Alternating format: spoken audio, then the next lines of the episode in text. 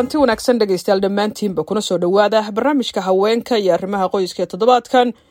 Oan idinku hayo sheekooyinka qaar ka mid ah soomaalida ka qaxday dagaalka ka socda dalka ukraine ee gaaray dalka ay dariska yihiin ee poland oo ka sheekeynaya xaaladooda iyo duruufaha ay ku sugan yihiin iyo sidoo kale sida uu dagaalku u saameeyey qoysaska soomaalida ah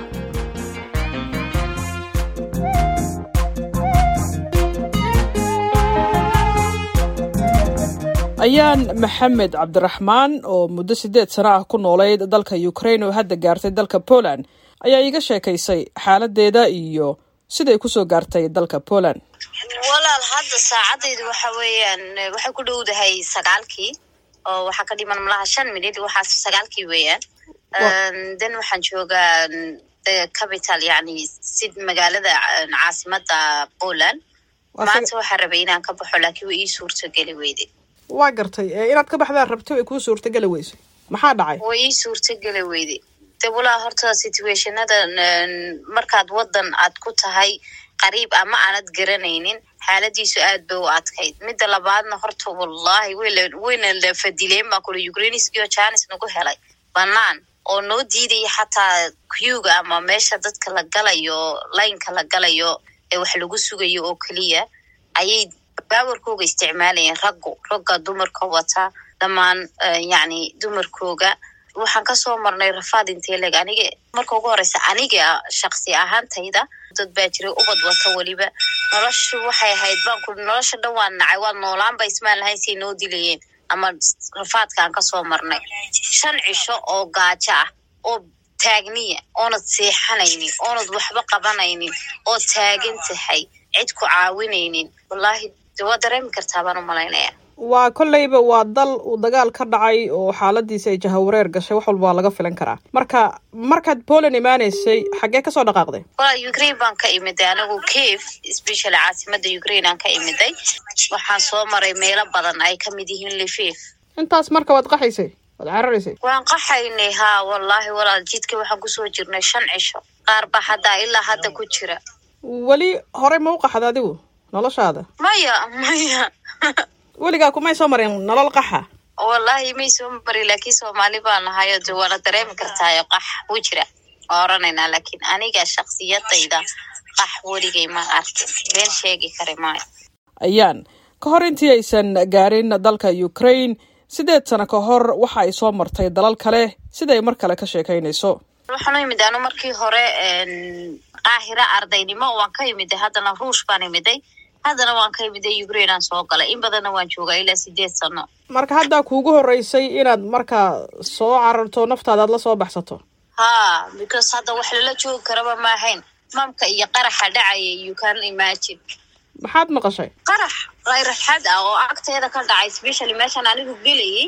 Keef waxaan gelayay aerobortka agtiisa meel ka mid ah oo u dhow oo waxoogaa u jirta ayuu qaraxa ugu horreeyay ka dhacayba weliga qaraxyo noocaas oo kale ah maku soo mareen ama ma maqashay? Maya wallahi been sheegi maayo walaal weligay mana maxaad dareenta marka waxaan dareemay walaal xaalad aad u adag oo bismillaahi raxmaan raxiim xataa waad noolaanaysaa? Ismaan lahaynba ilaa haddadan maskaxdaydu way qaliban tahay. Maba aaminsaniba meel kalead joogtaa xataa laftirkeyga ilaa haddana waan qaxsanahay oo maa nasan. Kabihii maalintii aan soo xidhan ilaa hadda xidhanahay waa imise maalmood? Waa maanta lix. Shan aan jidka ku soo jiray iyo maanta oo lix noqonaysa. Caawa oo lix noqonaysa. Marka yaa kula socda ayaan adiga? Walaal cerid bay lama socotay maalinba la socotay baan kala halawnaa. Midaan ku tilmaamo garan maayo wallahiya tii jidkaan iska soo raacnay maa tukalaan helaya. Tii soomaali qofkii soomaali anu arkaba ragii dumarbada waa la isku dhawaanaya kiyo imika kula jooga haddana mar labaad qof kale meel kale tegaya magaaladiina isma taqaane aad kala ordaysaan. Waan kala hallaabaynaa ma waxaad ula jeedaa inaad kala luntayn? Ha ha ka sokow inay arday ka ahayd dalka ukraine ayaan waxay sidoo kale turjubaan ahaan ugu shaqaynaysay hay'adda qaramada midoobey ee u n h c r ee dalkaasi. Maalintu qaraxu dhacay waxaan u diyaar garoobay inaan shaqa tago. Aniga waxaan ahaa turjumaan ka soo jeeda qaxootiga unity arta oo turjuba soomaalida iyo aniga oo caynkaa u shaqa tagay aroor kasta ayay dee hawshuna saas u dhacday. Afka lagaga hadlo ukraine waad ku hadashaa ukraini iyo ruush laakiin badanka ruush bay u badan yihiin na baraan ilaa ajanibkeeda midka turjubaanka ka ahayd waa kee markaa? Ma afka ruushka mise kan ukrainianka ruushka afka ruushka iyo english iyo somali. Sometime dadka ajaanibka nagu turjumi jira ruush iyo english. Ardayna waad ahayd?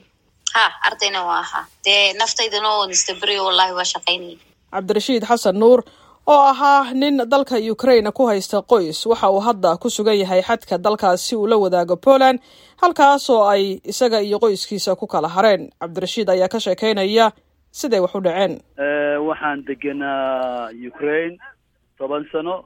Waxaa ila joogay laba xaasa iyo toddoba caruura.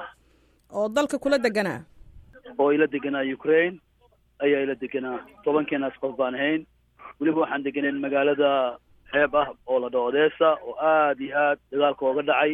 Haddaad ila hadlayso xaggee ku sugan tahay? Toddobaatan iyo laba saac ay waxaan joogaa xuduudkii ukraine oo weli ma gelin saf aad jaam aad iyo aad u weyn baa jiray oo wad dadkii waddankan u dhasho aad u tiro badan iyo ajaanibkii oo malaayiin ah.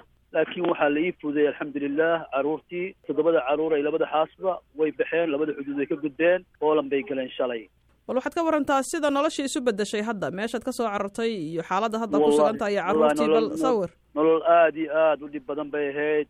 Dagaaladii caruurtii weliba guriga agtiisa uu ku dhacayay bam kaara lagu wato. Marka ilmihii baa waxaa galay khalkhal aad iyo aad u weyn oon weligood dagaal arkin. Maxaad filaysaa marka? Rajada kugu jirtaa maxay tahay? Wal- wallaahi waxaan filayaa ilaahay idinkiisa. Ilaa ilaa berri inay ii dhammaato oo aan gudaha galo owlaaddii caruurtii aan ugu tago Poland suusan jaamac xirsi waa xaaska cabdirashiid oo hadda ku sugan dalka poland. Waxa ii suuro gashay inaan kula hadlo khadka taleefanka ee dalka poland oo ay u tallaabeen iyada iyo carruurteeda. Wallaahi walaal qaabkan ku soo gudbn- dubnay dhibaatan ku soo gudubnay tacab runtii. Tacab badan baan soo marnay runtii. Anigoon dee socon karaynin baaba intaa laysoo jiidayay oo wiilkayga i waday. Marka wallaahi ul baan watay laakiin gaadhi wiiljeer hadda kadib inaan qaato weyaan laynuma socon karayninba gaa waxaan ku soo gudubnay bahalkii gaadhi ee lug lug lug baan ku soo ku soo dhaafay ushayda aan watay. Dadkii xuduudda joogay ee dowladda poland ahaa iyagu marka maxay sameyen markaad xuduudda timaadeen? Ay- kuwii wallahi way ninkuu noo fiicnaa way i gudbiyeen aniga runtii markay arkeen xaaladeyda oo inaad yaro jilicsan tahay? Haa way way gudbiyeen way saacideen wallahi way i- soo dhaafiyeen dadkoo dhan iyagoo wallahi meesha taagan. Haye maxay kuu sameeyeen markaa kadib? Waxbay may sameynin bas adigu eh, waan fadhiistay kursi biyo iyo waxaas ay siiyeen laakiin wax saas hadee ma ii sameyn. Iyo shurdaduna aad bay fiicnayd runtii bo- booliiskoodana wuu fiicnaa oo iyagaaba dee maasha allah dee bas haddaad u baahantahay ku saaraya haddaad saacidaya booliiskoodaaba fiicanba ma jirtaa meel dadku ay isugu tegayaan oo lagu saacidayo? Ma garan karo walaalo weli ma garan karo. Oo dee odaygii baaba halkaan iska soo hadhay sidaba.